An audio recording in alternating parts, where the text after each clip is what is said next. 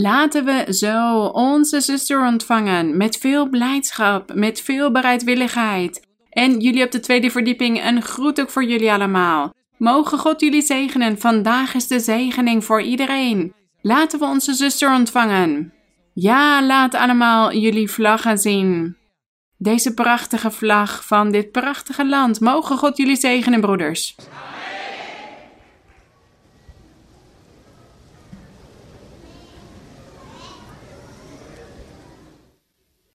Een hele goede middag. Mogen God jullie zegenen, mijn geliefde broeders. Mogen God jullie zegenen. En wij groeten ook met veel genegenheid alle broeders en iedereen die ons gaat zien op de video van de Bijbelstudie. Een groet voor jullie allemaal.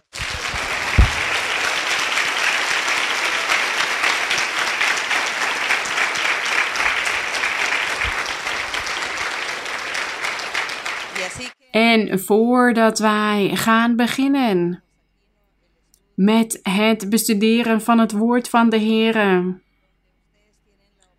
En jullie zullen ook de kans krijgen om jullie vragen te stellen. Want na veel de Bijbel te hebben gelezen, zijn er wellicht veel vragen. En het is mooi dat wij graag het woord van de Heer willen begrijpen, de taal van de Heer. De taal ontwikkelt. Alles ontwikkelt in het leven en de taal ook. En deze schriften bestaan sinds vele eeuwen. Het is dezelfde boodschap, hetzelfde onderwerp. Maar omdat de taal ontwikkelt, evolutioneert, zijn er veel woorden die mensen soms niet begrijpen.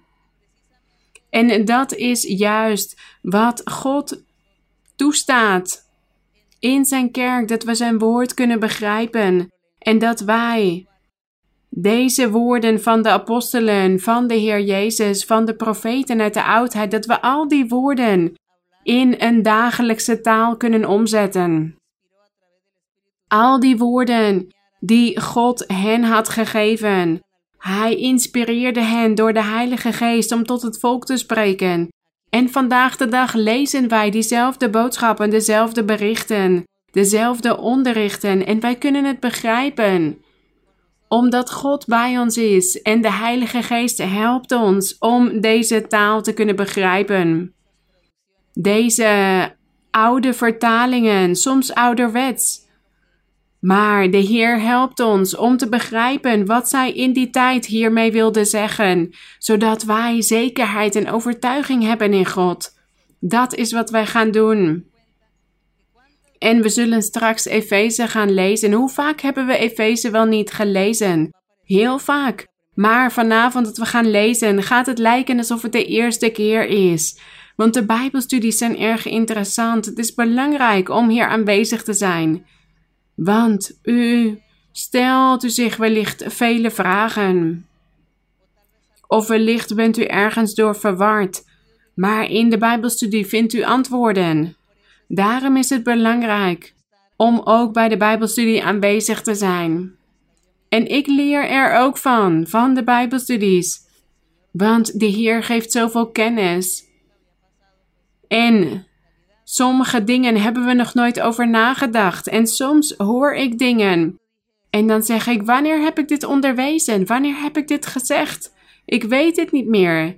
En ik kijk dan naar de opname, want anders zou ik niet geloven dat ik dat zou hebben onderwezen. Maar dit is niet van ons, dit is van God. God geeft op het moment het antwoord, de kennis. En daarom moeten we dit zo waarderen. Waarderen wat God allemaal voor ons doet en die belofte die hij ons heeft gedaan, meer dan 45 jaar geleden. Hij deed ons een prachtige belofte. We waren met z'n vieren. En het was ongeveer één uur s'nachts. En de Heilige Geest begon tegen ons te spreken voor de eerste keer. In ons midden. En hij zei dat hij een kerk zou vormen en dat hij zelf de leider van die kerk zou zijn. Hij zou regeren en hij zou heersen over die kerk. Want hij zei: Er zijn vele gemeenten, maar Ze zijn allemaal materialistisch geworden. Ze zoeken allemaal naar hun eigen belang. Ze zijn zo materialistisch geworden dat ze het geestelijke naast zich neer hebben gelegd. En daarom geef ik hen niet het geestelijke. Dat is wat de Heer tegen ons zei. Omdat zij naar geld zochten, winst, kracht, titels. Dat is wat de Heilige Geest toen op die nacht tegen ons zei. Het was ongeveer één uur s'nachts. En de Heer zei tegen ons: Ik wil dat bereidwillige harten naar mij toe komen om mijn wil te doen. Degenen die nederig zijn, bescheiden, die zich niet laten leiden door hebzucht, door eigenbelang, door materialisme. Maar die werkelijk het woord van de Heer willen onderwijzen. En de Heer zei ook: Ik ga me openbaren en ik ga jullie mijn geest geven en de geestelijke gaven. Dat was de belofte die ons die avond deed, die nacht. En hij zei: Ik zal ervoor zorgen dat iedereen samenkomt. Ik zal iedereen overtuigen, want ik zal tot iedereen spreken. Jullie hoeven geen zwaar werk te doen om mensen naar de kerk toe te brengen. En hij zei ook tegen ons: Jullie hoeven niet langs alle huizen te gaan, deur aan deur, om tot mensen te spreken over mij, of bepaalde programma's doen in de kerk, evenementen, om de aandacht van mensen te trekken. Nee, ik ga die harten bekeren. Hij zei tegen ons dat het werk voor hem was. Hij zei: Jullie zullen mijn instrumenten zijn, instrumenten in mijn handen. Laat mij het werk doen. Ik zal die harten bekeren. En zo is dit gebeurd. Jaren zijn voorbij gegaan. En God overtuigt iedereen. Want God spreekt tot iedereen. Hij spreekt tot het hart van iedereen. In de meeste gevallen door middel van de gave van de profetie. Dan bidt iemand voor die persoon. En dan begint de profetie te komen en hij begint te profeteren over verborgen dingen in het hart van die persoon. En die persoon raakt dan zo verbaasd, verrast en zegt dan: Hoe kan je die dingen van mijn leven weten? Dit moet God zijn, want alleen God kent deze geheimen. Alleen God kent deze dingen. Zelfs mijn familieleden, mijn moeder wist dit soort dingen niet van mij. En hier is iemand voor mij aan het bidden en die zegt dit soort dingen tegen mij, maar ik weet dus dat het God is. Want alleen God kan dit weten, dus God openbaart zich in deze plek. Zo had God dit beloofd en zo heeft Hij dit ook gedaan. En God heeft ook gezegd: Hoe bereidwilliger jullie voor mij zijn, hoe meer ik jullie zal geven. Dus het hangt van ons af. Willen wij meer van God, dan moeten wij ons hart bereidwilliger stellen voor God dan moeten wij ons hart steeds meer openen voor Hem. En dan zullen we zien hoe Hij die prachtige wonderen doet in ons leven. Hoe Hij zijn werk doet in ons hart.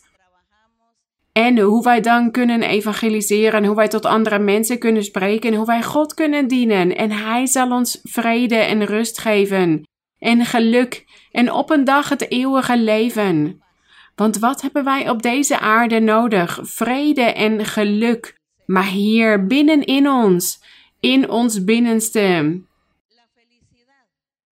Rust en vrede en verlangen om te blijven leven. En dat we gelukkig kunnen zijn, of we nou veel of weinig hebben. Dat is wat we nodig hebben hier op aarde.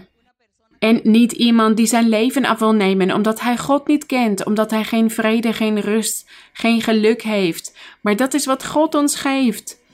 En hij wil dat wij instrumenten zijn in zijn hand, zodat hij kan vervullen wat hij had beloofd door middel van de apostel Paulus in Efeze hoofdstuk 4 vers 11.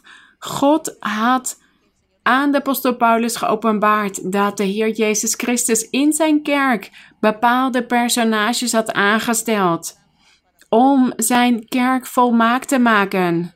Want we lezen dat hij apostelen, profeten, leraars, evangelisten had aangesteld, heeft aangesteld in zijn kerk om zijn kerk volmaakt te maken. Maar weten jullie wat materialistische mensen doen? Omdat ze de geest van God niet in hun hart hebben, geven zij elkaar van dit, soort, dit soort titels. Dan zeggen ze: We gaan jou apostel noemen, we gaan jou profeet noemen, we gaan jou evangelist noemen. En zo wordt dit vers Efeze 4:11 vervuld in onze kerk. Ja, wellicht op een materialistische manier, maar dat is geen werkelijkheid. Want die persoon heeft wellicht een titel van evangelist of leraar, maar hij kent de geloofsleer niet. En als hij voor iemand gaat bidden, wellicht bidt hij voor tien mensen, maar geen enkele wordt genezen. Of hij bidt voor 50 mensen, maar niemand ontvangt een wonder van God. Dus wat is die titel dan? Die titel, dat is niet iets wat we van mensen ontvangen. Dit is iets wat we moeten laten zien. Met onze handelingen, met onze werken. Met iets wat werkelijk is. En wanneer u handen oplegt en iemand wordt genezen, dan zegt u: Ja, God heeft mij de gave van genezing gegeven, want Hij had mij beloofd dat Hij mij dit zou geven. En kijk, deze persoon is nu gezond. God heeft hem genezen. Dus nu kan ik zeggen dat ik de gave van genezing heb en dat ik kan bidden voor mensen die ziek zijn, want ik heb gezien dat er iemand is genezen. Na mijn gebed. Op die manier analyseren wij de dingen om te ontdekken of wij wel op de juiste weg aan het lopen zijn. Op de weg van God of niet op de weg van God. Laten wij onszelf niet bedriegen. En laten wij ook anderen niet bedriegen. Laten wij eerlijk zijn, oprecht. Oprechtheid, dat is belangrijk en daar bestuderen we de Bijbel voor. Om God te kunnen dienen met oprechtheid. Om te kunnen zeggen: Heer, ik ben een instrument in uw handen. Wat wij in de Bijbel lezen moet levend gemaakt worden in ons leven. Dit moet een werkelijkheid worden, want dit is geen boek dat in het verleden is blijven hangen. God maakt dit levend in ons leven. Het is niet zo dat de Heilige Geest als een zegel vastgelegd zou zijn in dit boek. Nee, hij beweegt zich in ons midden. God beweegt zich in ons midden. Dus dit is niet een verhaal. De Bijbel is geen mythe of een legende. Ja, wat mooi wordt hier geschreven over een personage dat God zou zijn. Nee, God is hier en Hij is in het hart van ons allemaal. De glorie zij aan Hem. En daar gaan we vandaag over lezen.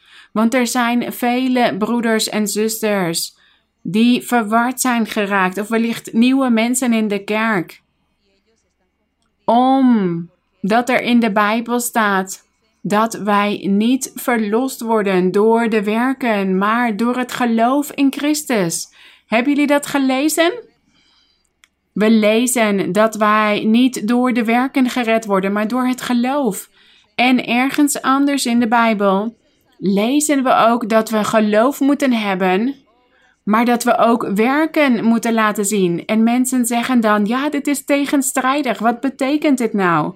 Moeten we nou wel of geen werken hebben?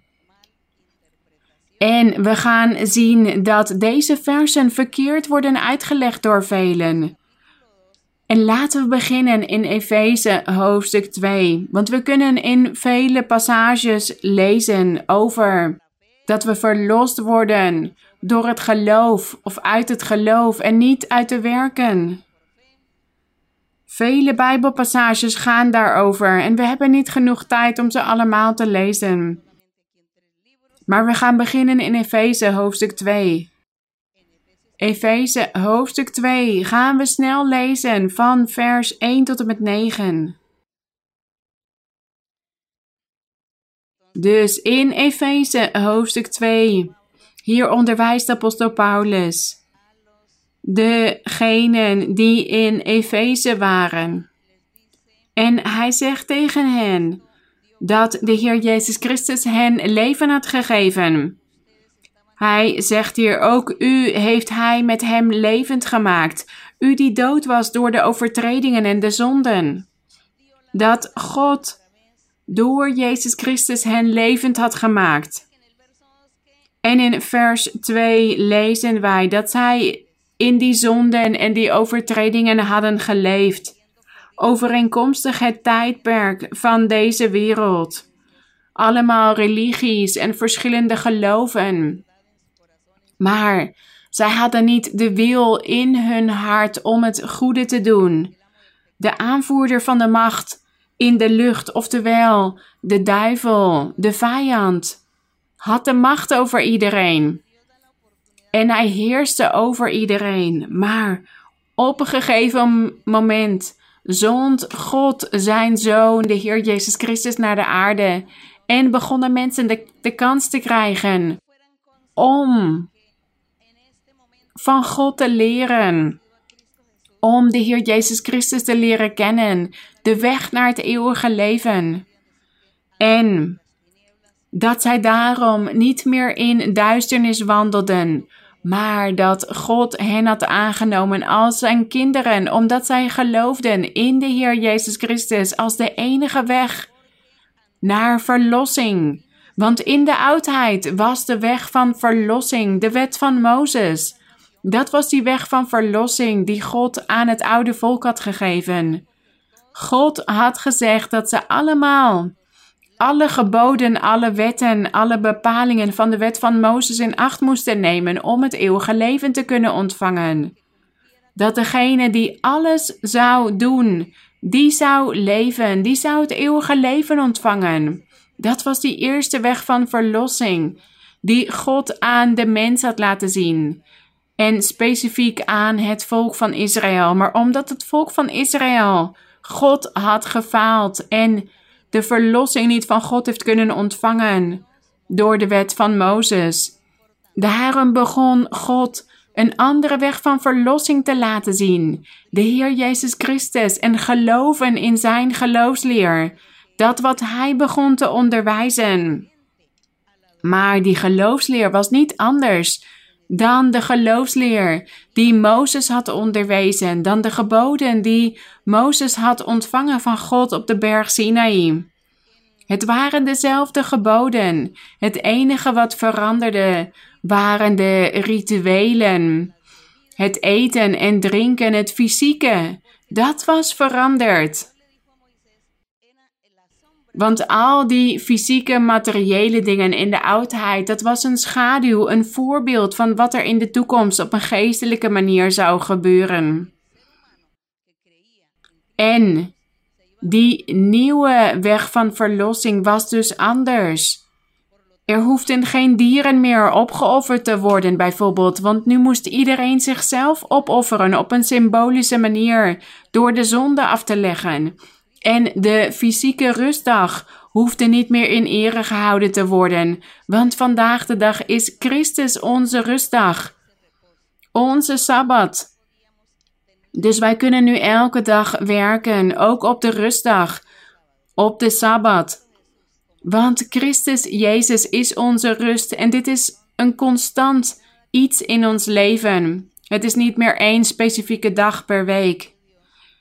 En die nieuwe weg van verlossing, de weg van de Heer Jezus Christus, was dus dat de methode van verlossing was veranderd, maar de wetten, de geboden van God zijn nooit veranderd, want die blijven allemaal van kracht dat we niet mogen moorden en stelen en overspel plegen. Dat we niet jaloers mogen zijn of wraak mogen nemen. Niets van dat is veranderd. Als wij de wet van Mozes met de wetten van het evangelie vergelijken, zien we dat ze hetzelfde zijn. Het enige wat is veranderd is de methode van verlossing.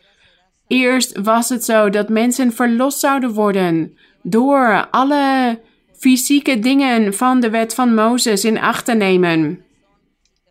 En nu is het zo dat mensen verlost zullen worden als ze in Christus geloven. En zodra iemand in Christus gelooft, dan begint de geest van God in zijn hart te wonen. En dan begint die persoon te veranderen, zijn leven te verbeteren en alle geboden van God in acht te nemen. En zo zal hij dan verlost worden. Want we lezen in de Bijbel dat de Heer Jezus aan de deur staat. En dat als wij de deur voor hem open doen, dat hij dan naar binnen gaat. Maar als we de deur niet open doen, dan zal hij niet naar binnen gaan. God zal ons niet verplichten, hij zal ons niet dwingen om hem te ontvangen. Nee, hij verwacht dat wij ons hart openen voor Hem. En dan zal Hij zijn werk in ons doen. Dan zal Hij in ons hart komen wonen. Hij verplicht niemand, Hij dwingt niemand. En daarom is deze methode perfecter, volmaakter. Want we kunnen zeggen: Ik leefde in zonde, maar ik leerde God kennen. God begon tot mij te spreken en Hij zei tegen mij: Geloof in mij, vertrouw op mij. Verbeter je leven, ik zal je helpen. Dan zeg ik, ja, ik geloof hierin. En wat gebeurt er dan? Hij neemt dan die zondige tendentie uit mij weg. Hij neemt al die zin om kwade dingen te doen uit mij weg en ik begin dan een oprecht en heilig leven te leiden voor God. Dat is die weg van verlossing, die methode van verlossing. Het is niet moeilijk om ons tot God te bekeren. Het is niet moeilijk om ons leven te veranderen. Er zijn mensen die zeggen: Nee, ik wil niet meer naar die kerk. Want ik word zo graag dronken en ik wil mijn leven niet veranderen. Ik wil niet anders gaan leven. Ik wil zo blijven doorleven. Of in sommige culturen zeggen ze: Ja, ik wil al mijn vrouwen blijven houden. Ik wil niemand opgeven. Het is te moeilijk om dat te doen, maar die persoon heeft het dan mis. Want als wij ons hart openstellen voor God, dan neemt Christus die zondige tendentie uit ons weg. Hij verandert ons. Als wij ons bereidwillig stellen voor Hem, als we ons hart openen, het is niet moeilijk. Het is niet moeilijk om de weg van God te volgen. Dat is wat de apostel Paulus aan het onderwijzen was over de werken van het vlees. Wat zijn die werken van het vlees? En of die verlossing nou kwam door de werken van het vlees, oftewel door de wet van Mozes volledig in acht te nemen, of door het geloof in Christus Jezus. In Christus Jezus hebben wij zowel beide dingen. Wij geloven in Christus en wij leggen ook de werken van het vlees af. We zeggen niet, ja, ik verander zelf, ik heb zelf die kracht. Nee, wij hebben daar niet de kracht toe. Mijn vlees heerst wellicht over mij, maar Christus kan dit wel in ons doen. Hij verandert ons. Hij helpt ons en zo kunnen wij veranderen en dan beginnen wij die werken van het vlees naast ons neerleggen. Daar kunnen wij dan afstand van nemen. Dus de apostel Paulus zei: Jullie worden verlost uit het geloof en het geloof is uit het gehoor.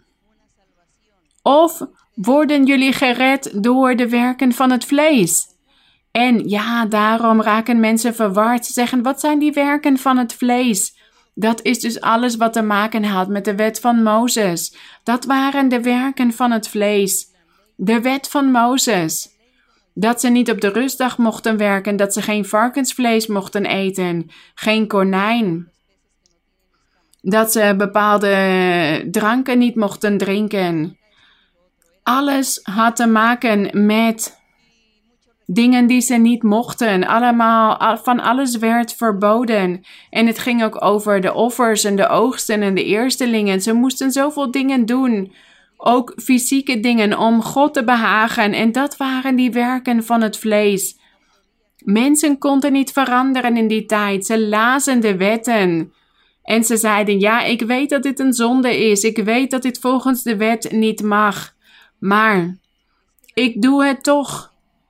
Ik lees dat ik de weduwen en de wezen moet helpen. En ik weet dat ik mijn rijkdommen moet weggeven. Maar ik kan dit niet. Ik wil het voor mezelf houden. Ik wil rijk worden. Dat zijn de werken van het vlees. Mensen werden overtreders van de wet. En daarom leefden zij naar de werken van het vlees, in het materiële, het fysieke. En daar gaat het over in vers 3. Lezen jullie maar.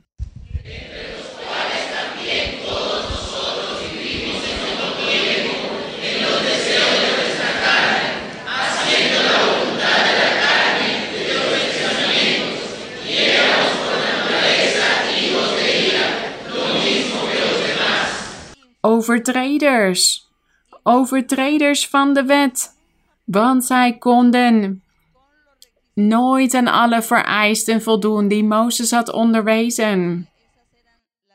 Dat waren de begeerten van het vlees, zoals hier staat. Het vlees was sterker dan de geschreven wetten. De wetten zeiden tegen hen: Doe dit niet, doe dat niet. Maar hun vlees was zo sterk dat het vlees hen verplichtte om toch die overtredingen te begaan. Dat is wat hier staat. En in vers 4 staat: Maar God, die rijk is in barmhartigheid, heeft ons door zijn grote liefde, waarmee hij ons lief gehad heeft, ja, want hij had Christus Jezus naar ons gestuurd. Ook toen wij dood waren door de overtredingen, met Christus levend gemaakt. Uit genade bent u zalig geworden. Wat, wat is wat Hij van ons eist? Dat wij geloven in Christus Jezus als de enige weg naar het eeuwige leven. Dat is de enige eis die God ons stelt, dat we in Christus geloven. Want in de wereld zijn er duizenden verschillende wegen die worden onderwezen. En iedereen zegt dat die weg naar het eeuwige leven leidt. Maar ze vergeten Christus Jezus. Ze onderwijzen andere dingen. Vers 6. En heeft ons met Hem, met Christus, opgewekt. Dat is wat God heeft gedaan met ons. Door in Christus te geloven, heeft Hij ons opgewekt. En met Hem in de hemelse westen gezet in Christus Jezus ja, wij kennen dit levende woord en wij zien hoe God zich openbaart in ons midden en hij doet ons beloften en hij spreekt tot ons en hij vervult vele dingen in ons leven. En hij doet ook vele wonderen en tekenen in ons leven. En daarom zeggen wij dat wij in de hemelse gewesten aan het leven zijn. Wij zijn daar al. Want God geeft ons vrede en vreugde en blijdschap. Dat is als in de hemel zijn, in de eerste hemel. Of hier, zoals hier staat, in de hemelse gewesten met Christus Jezus, omdat we genieten van de aanwezigheid van de Heilige Geest. Elke keer dat u in andere talen spreekt, of dat u God looft en begint te profiteren of een visioen ziet, dan voelt u zich in de hemelse gewesten. Want het is de geest van God die u die zalving geeft, die openbaring. En hier staat in vers 7: opdat hij in de komende eeuwen, oftewel de toekomst, de alles overtreffende rijkdom van zijn genade zou bewijzen door de goede tierenheid over ons in Christus Jezus. Als de Heilige Geest zich niet zou openbaren in ons midden, dan zouden wij niet kunnen zeggen dat dit vers wordt vervuld dan zouden we zeggen dat dit een leugen is. Want velende eeuwen zijn voorbij gegaan. Hier staat dat God in de toekomst de alles overtreffende rijkdom van zijn genade zou bewijzen. Maar als wij de ervaringen met de Heilige Geest niet zouden meemaken, dan zouden we zeggen: dit is een leugen. Deze versen uit de Bijbel worden niet vervuld. Maar omdat de Heilige Geest zich wel openbaart in ons leven, zien wij dat dit een waarheid is. Want wij zien dit in ons eigen leven en we zouden hier nog meer van willen ontvangen van onze God. Nog meer heerlijkheid van onze God in ons leven. Vers 8, lezen jullie maar.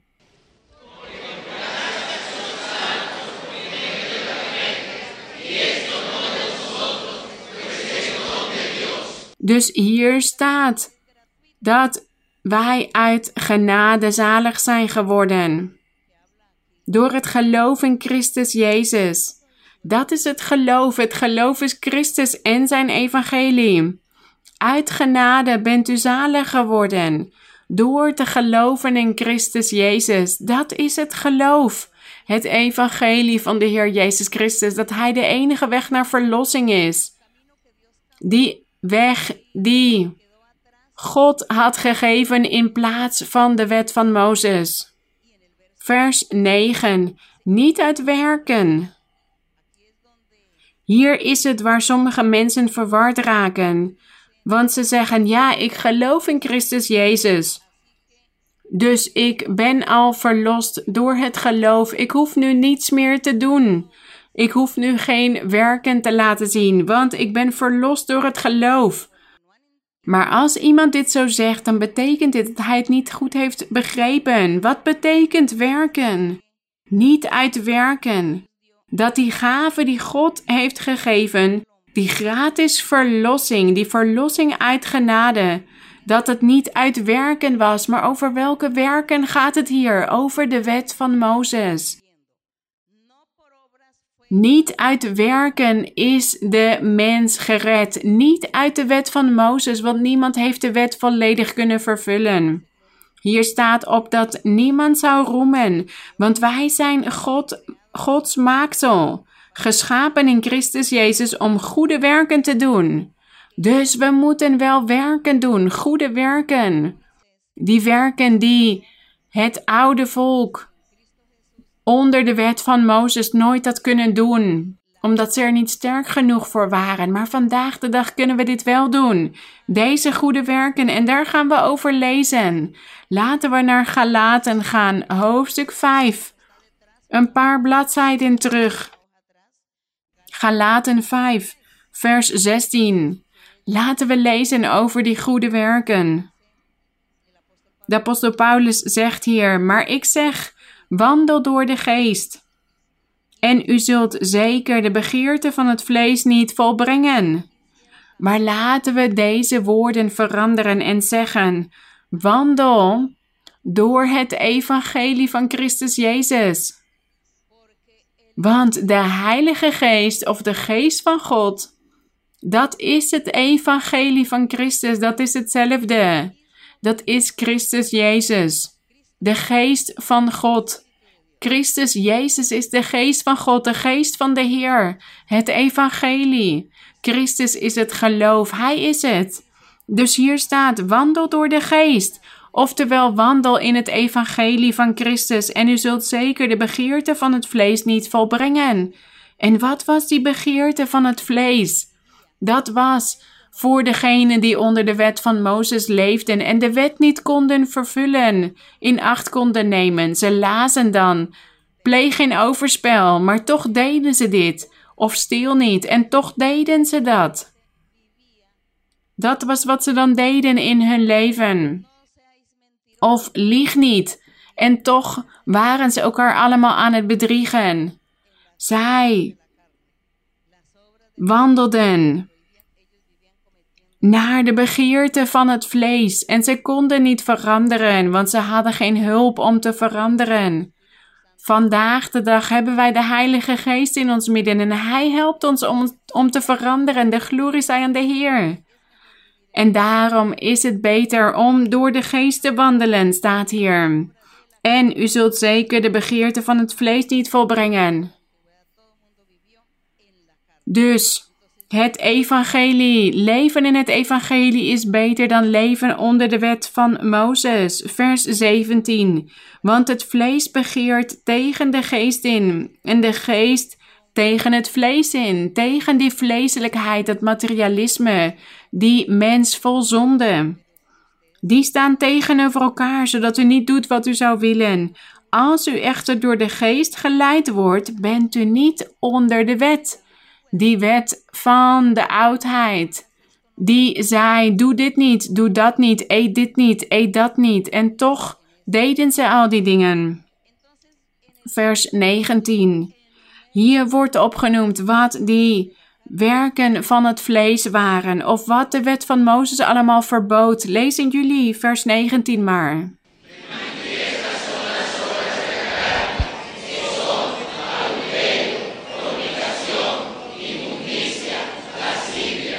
En waarom zouden we ook nog verder lezen over afgoderij, toverij, vijandschappen, ruzie, afgunst, woede-uitbarstingen, egoïsme, oneenigheid, afwijking in de leer, jaloersheid, moord, dronkenschap. Goed, al die dingen, dat was allemaal verboden door de wet van Mozes. Dit stond allemaal opgeschreven en mensen lazen dit wel. Het werd voorgelezen. Doe dit niet, doe dat niet. Maar toch leefden ze allemaal in die zonden, want niemand kon veranderen. Dus zij leefden in de werken van het vlees. Maar nu zegt God, de methode van verlossing is anders, is vernieuwd. Het is niet meer door werken of uitwerken, maar nu is het door het geloof. Het geloof in Christus Jezus. Hij is de enige weg. Geloof in Hem en Hij zal de zonden uit de weg nemen. Dus hier hebben we gelezen over de werken van het vlees. En we zijn nu aan het begrijpen wat dit betekent. En laten we nu dan een vers gaan lezen in Jacobus hoofdstuk 2, vers 14. Velen worden hierdoor verward. Jacobus hoofdstuk 2, vers 14 na het boek Hebreeën. Komt het boek Jacobus. Jacobus 2, vers 14. dit vers. Er zijn zoveel mensen die zeggen dat de Bijbel zich hier tegenspreekt. Lezen jullie vers 14 maar.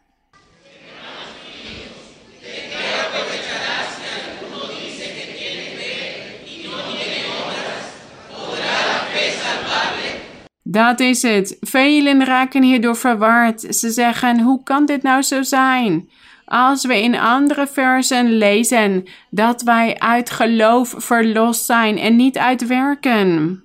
Waarom staat hier dan dat als iemand zegt dat hij geloof heeft, maar geen werken heeft, dat hij dan zijn tijd aan het verliezen is? Het lijkt wellicht tegenstrijdig, maar dit is niet zo. Want wij weten nu dat de verlossing niet komt uit de werken van het vlees. Dat was dus de wet van Mozes. Maar hier in Jacobus zegt hij: Als iemand zegt dat hij geloof heeft, dus hij gelooft in Christus, in het evangelie, en hij heeft geen werken. Hier staat dus dat iemand gelooft in Christus, maar toch in jaloezie en wrok en onreinheid blijft leven, is hij dan iets goeds aan het doen? Nee, hij verliest dan zijn tijd. Wat betekent dit?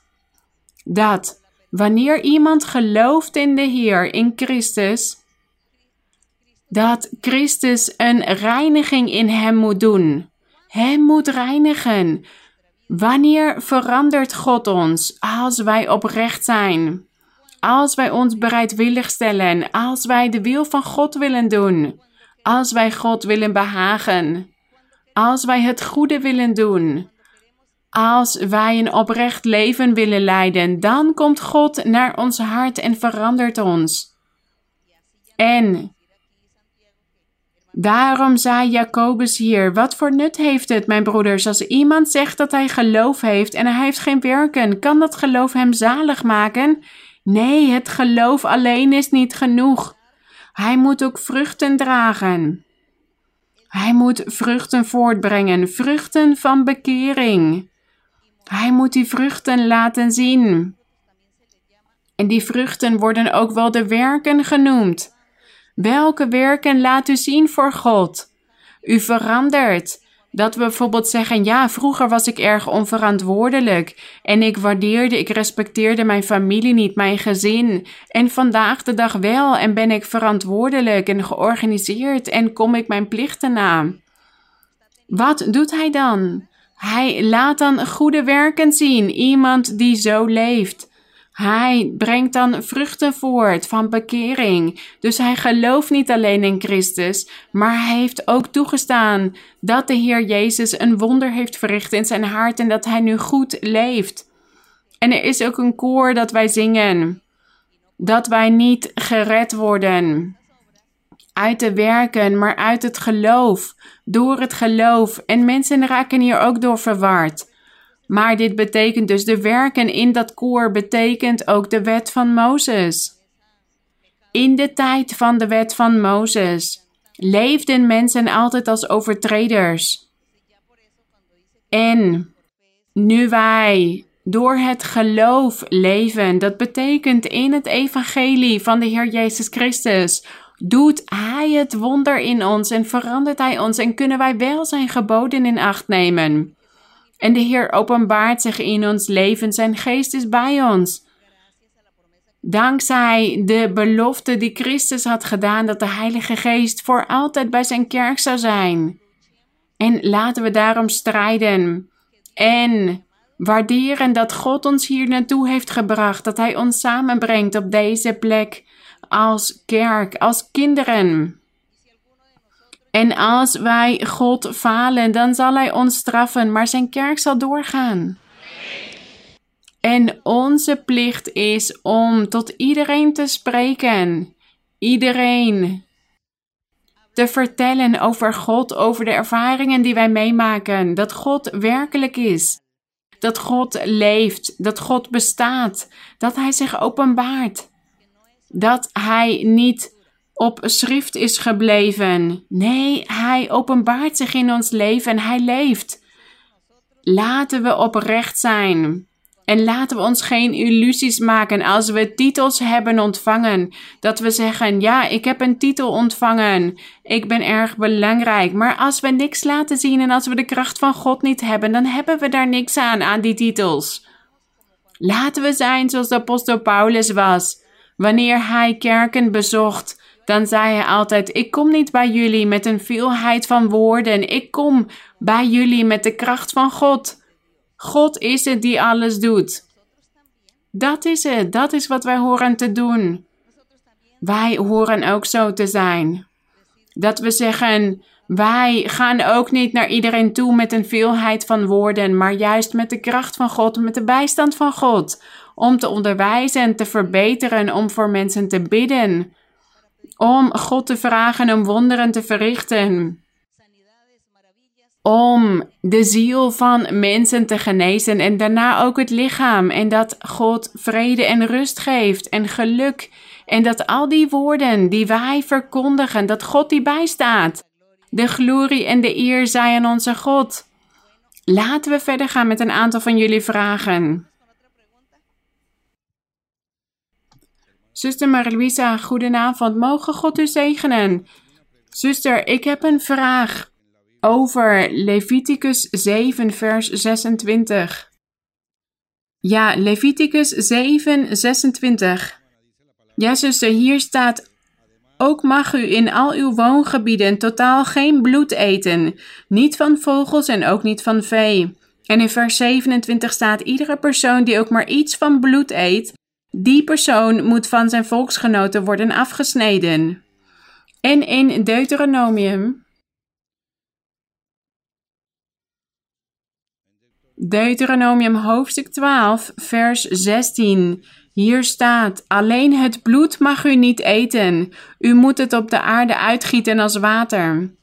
Zuster, u hebt ons een keer onderwezen wellicht zo'n zes jaar geleden dat wij het bloed niet horen te eten, omdat dit het leven geeft aan het vlees, bloed.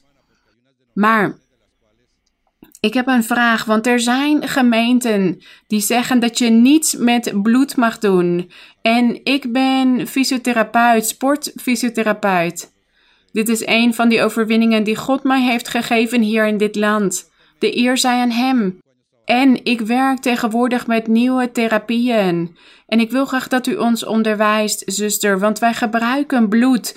We doen wat procedures met bloed. We halen de eiwitstoffen eruit, die veel regeneratiever zijn dan de moedercellen zelf.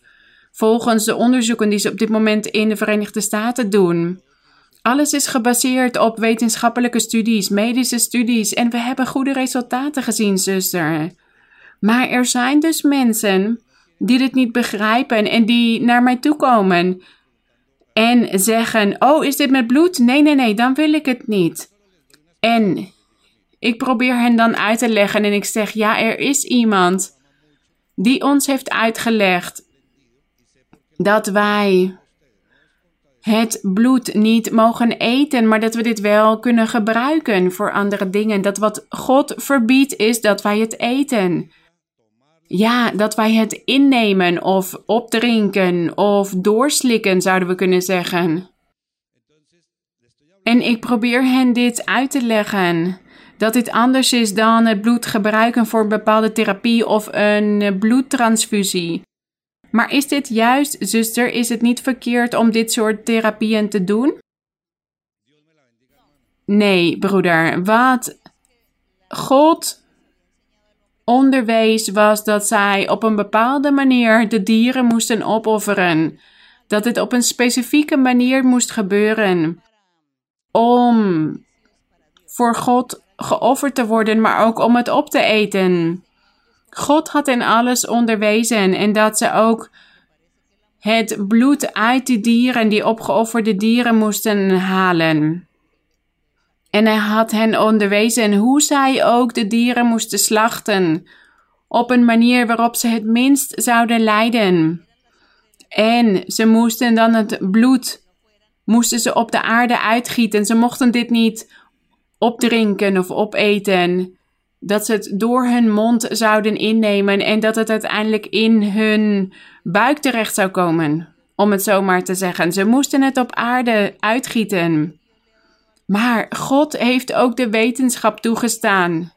Hij heeft toegestaan dat mensen de capaciteit hebben, de kennis hebben om gebruik te maken van alle producten, alle elementen die op de aarde bestaan, om vitamine te maken en medicijnen.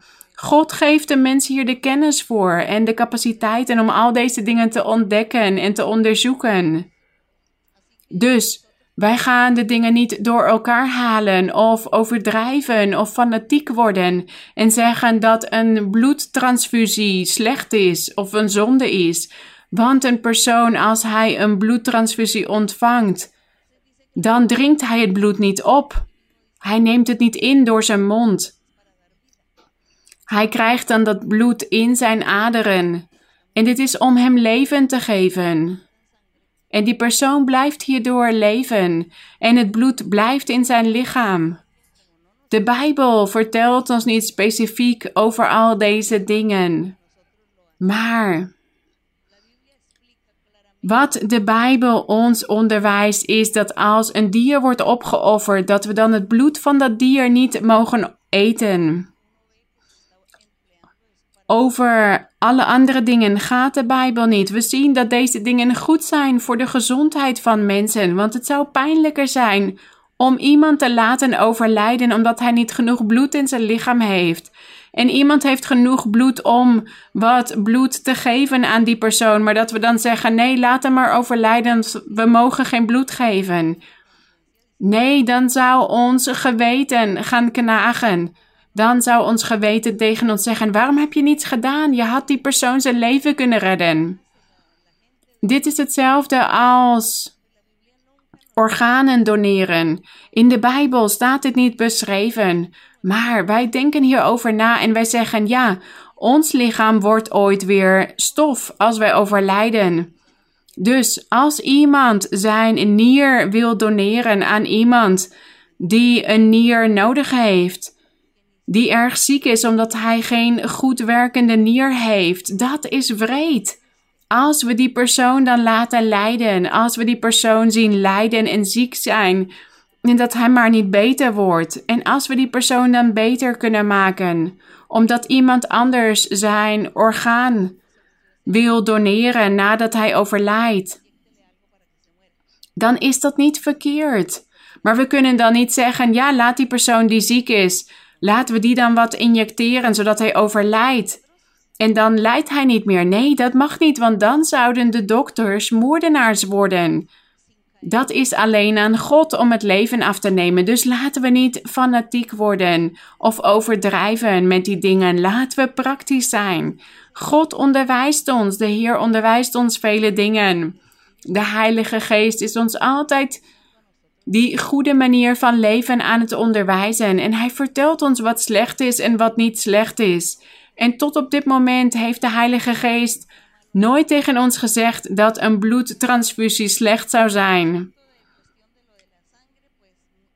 Dus, wat doen wij bijvoorbeeld niet? We weten dat er heel veel producten ook worden gemaakt, voedsel wordt gemaakt met bloed. Maar van vele producten weten wij het niet dat er bloed in zit, want we gaan niet van elk product onderzoeken waar het van gemaakt is. Dan zouden wij gek worden en dan zouden we ook uiteindelijk niets meer kunnen eten. Dus het is beter om dat dan niet te weten. En dan is het geen probleem. De apostel Paulus onderwees. Hij zei: Als jullie ergens zijn en jullie krijgen eten voorgeschoteld, eet het dan gewoon. Vraag niet waar het vandaan komt, eet het gewoon. Maar als iemand tegen jullie zegt: dat het eten eerst als een afgodenoffer is gebruikt, eet het dan niet. Niet vanwege jezelf, maar vanwege het zwakke geweten van de ander. Want als iemand tegen u zegt dat het eerst een afgodenoffer is geweest en dat u het dan opeet, dan zal hij zeggen: Kijk, God heeft dit verboden en nu eet hij het vlees van een afgodenoffer. Dus het geweten van die ander zal dan gaan knagen die is daar te zwak voor. Maar als die persoon dus niks tegen die persoon die het zou eten had gezegd, dat dit vlees was geweest van een afgodenoffer, dan zou er niets gebeuren. Dan zou God het door de vingers zien. Hij zou daarvoor niet straffen. En zo is het ook met het bloed. Soms wordt er ook wat van ons bloed uit onze aderen gehaald om het te analyseren om het triglyceridegehalte te bepalen, cholesterolgehalte of het suikergehalte. Dat is normaal. Dat is voor onze gezondheid. Om de dingen te onderzoeken. En dat is ook wat God allemaal aan de mens heeft gegeven, die kennis. Dus God zal hier niet boos om worden als we dit soort dingen doen. Hier staat duidelijk geschreven dat we het bloed niet mogen eten. We mogen het niet innemen. Maar als dus iemand voor ons eten bereidt en hij heeft hier bloed in verwerkt, maar wij weten het niet, dan zal God ons daar niet voor straffen, omdat we dan onschuldig zijn. We weten het dan niet, dus we moeten daar dan ook niet naar vragen. Goed, ik weet nog dat in het begin dat mensen mij altijd vroegen naar bloedworst. Kennen jullie dat ook? Bestaat het hier ook? Ja? In alle Bijbelstudies werd ik gevraagd over bloedworst.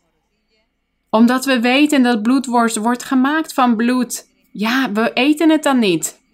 Laten we dit niet eten, maar als we in een ander land zijn en er wordt ons een gerecht voorgeschoteld en we weten niet wat het is, dan eten we het gewoon op. Dan gebeurt er dus niets, want we wisten het niet dat het bloed was. Maar als we het weten, dan Omwille van ons geweten horen wij het niet te eten. Als we weten dat er bloed in zit, dan zeggen wij nee, ik wil dit niet. Omwille van het geweten. Goed, laten we God bedanken voor deze overdenking, omdat we hier weer van geleerd hebben. En wij vragen de Heer ook om ons te helpen om te veranderen, zodat wij Hem kunnen gehoorzamen, Zijn wil kunnen doen in alles. En dat God ons ook het geestelijke geeft, de geestelijke gaven. Dat Hij van ons mannen en vrouwen van God maakt, kinderen van God. Laten we gaan bidden tot onze Vader. Gezegende God Almachtige, wij danken u, mijn Vader. Wij hebben vanavond uw woord gelezen en we hebben uw woord overdacht. En wij hebben vele prachtige dingen herinnerd.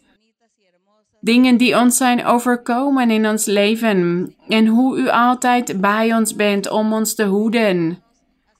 Om naar ons om te kijken. Te waken over ons. En u kijkt naar ons met die ogen vol barmhartigheid. En u hebt ons hier naartoe gebracht. U hebt ons een roeping gedaan. U hebt ons uitgekozen om hier in uw samenkomst te zijn. Dit is uw samenkomst, die u aan het vormen bent. Sinds jaren geleden, zoals u dit had beloofd. Vandaag de dag bent u dit woord in ons leven aan het vervullen. Wij danken u, mijn Heer. Want u bent trouw. En uw beloften zijn betrouwbaar en waarachtig. Uw barmhartigheid is voor altijd.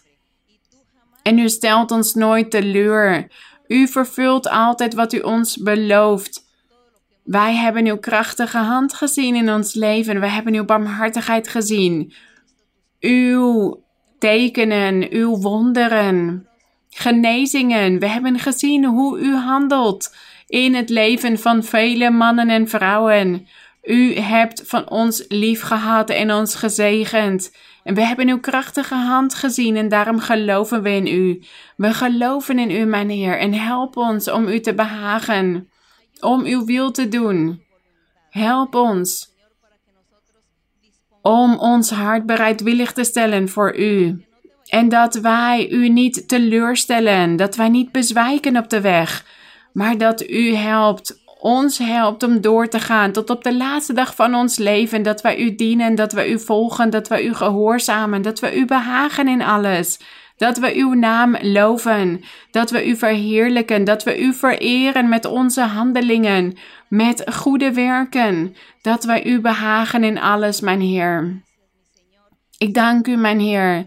Strek uw krachtige hand uit en zegen al uw kinderen, iedereen die hier aanwezig zijn in Santo Domingo. En ook degenen die ons op de, op de video zullen zien.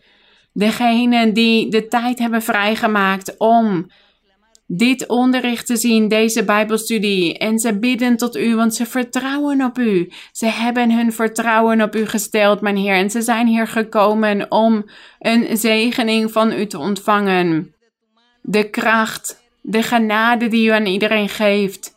Daarom zijn ze hier gekomen. Zij verwachten uw zegeningen, geestelijke en materiële zegeningen, mijn Heer, want u weet dat iedereen ook materiële behoeften heeft. En we weten dat u ons van alles zal voorzien, mijn Heer. En geef de Heilige Geest, de geestelijke zegeningen. De Heilige Geest en degene die het nog niet heeft ontvangen en ook de gaven. Zegen hen die in hun hart nog een vonkje van ongeloof hebben of twijfel of angst. Neem dit uit hen weg, mijn Heer. Strek uw krachtige hand uit en zegen iedereen. Bevrijd, mijn Heer. Breek die ketens, breek die juk van de slavernij, mijn Heer. Vernietig het werk van de vijand.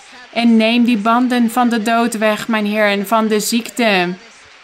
Neem ook hekserijen en tovenarijen weg uit velen, mijn Heer. Bevrijd. Bevrijd ook degenen die gekweld worden door kwade geesten, demonen in hun hart, in hun hersenen, in hun lichaam. Bevrijd hen, mijn Heer. Breek de juk van de slavernij van de vijand. Wij danken u, mijn hemelse Vader. Wij danken u in de naam van uw Zoon, de Heer Jezus Christus uit Nazareth, want u zult die veranderingen teweeg brengen. Ik zal allen zegenen. Ik zal vrijheid geven. Ik zal overwinningen geven. En ik zal hartverlangens vervullen en ketens breken. Ik zal iedereen reinigen en ik zal van iedereen een nieuwe man, een nieuwe vrouw maken. Want ik zal zegenen in het geestelijke. Ik zal het geestelijke geven. En ik zal me openbaren in iedereen. Ik ben velen aan het genezen en reinigen. Ik ben harten aan het reinigen, mentaliteiten aan het reinigen. En ik neem ook twijfel en ongeloof weg. Want twijfel en ongeloof raakt velen, maar ik ben het aan het wegnemen. Ga door, wees standvastig. Wees standvastig, want deze kerk hier zal groot worden, zal veel groeien. Want vele wonderen zal ik doen en vele zegeningen zal ik geven. En velen zijn hier naartoe gekomen om het geestelijke te ontvangen en ik zal het hen geven. Want allen zullen kracht uit de hoogte ontvangen en overwinningen. Wij danken u, Heilige Vader. Wij danken u, Hemelse Vader, voor uw beloften. Voor deze beloften die u ons hebt gedaan. Want u bent betrouwbaar en standvastig. En jullie zullen ook de Heilige Geest ontvangen en de geestelijke gaven. Ik zal jullie leven veranderen en ik zal jullie bevrijden en overwinningen geven. Dank u, halleluja. De eer zij aan onze God. Wij danken onze Heer, geloofd en geprezen zij de naam van mijn hemelse Vader. Dank jullie wel, broeders. Dank jullie wel. Dank jullie wel voor jullie genegenheid. Ik dank God dat Hij jullie hier naartoe heeft gebracht. En dat ik jullie mag leren kennen. Jullie, mijn geliefde broeders uit de Dominicaanse Republiek. Ik weet dat jullie erg blij zijn, erg verheugd. En de dag dat Hij jullie alles zal geven wat Hij jullie vanavond heeft beloofd. Hij heeft jullie geestelijke gaven beloofd.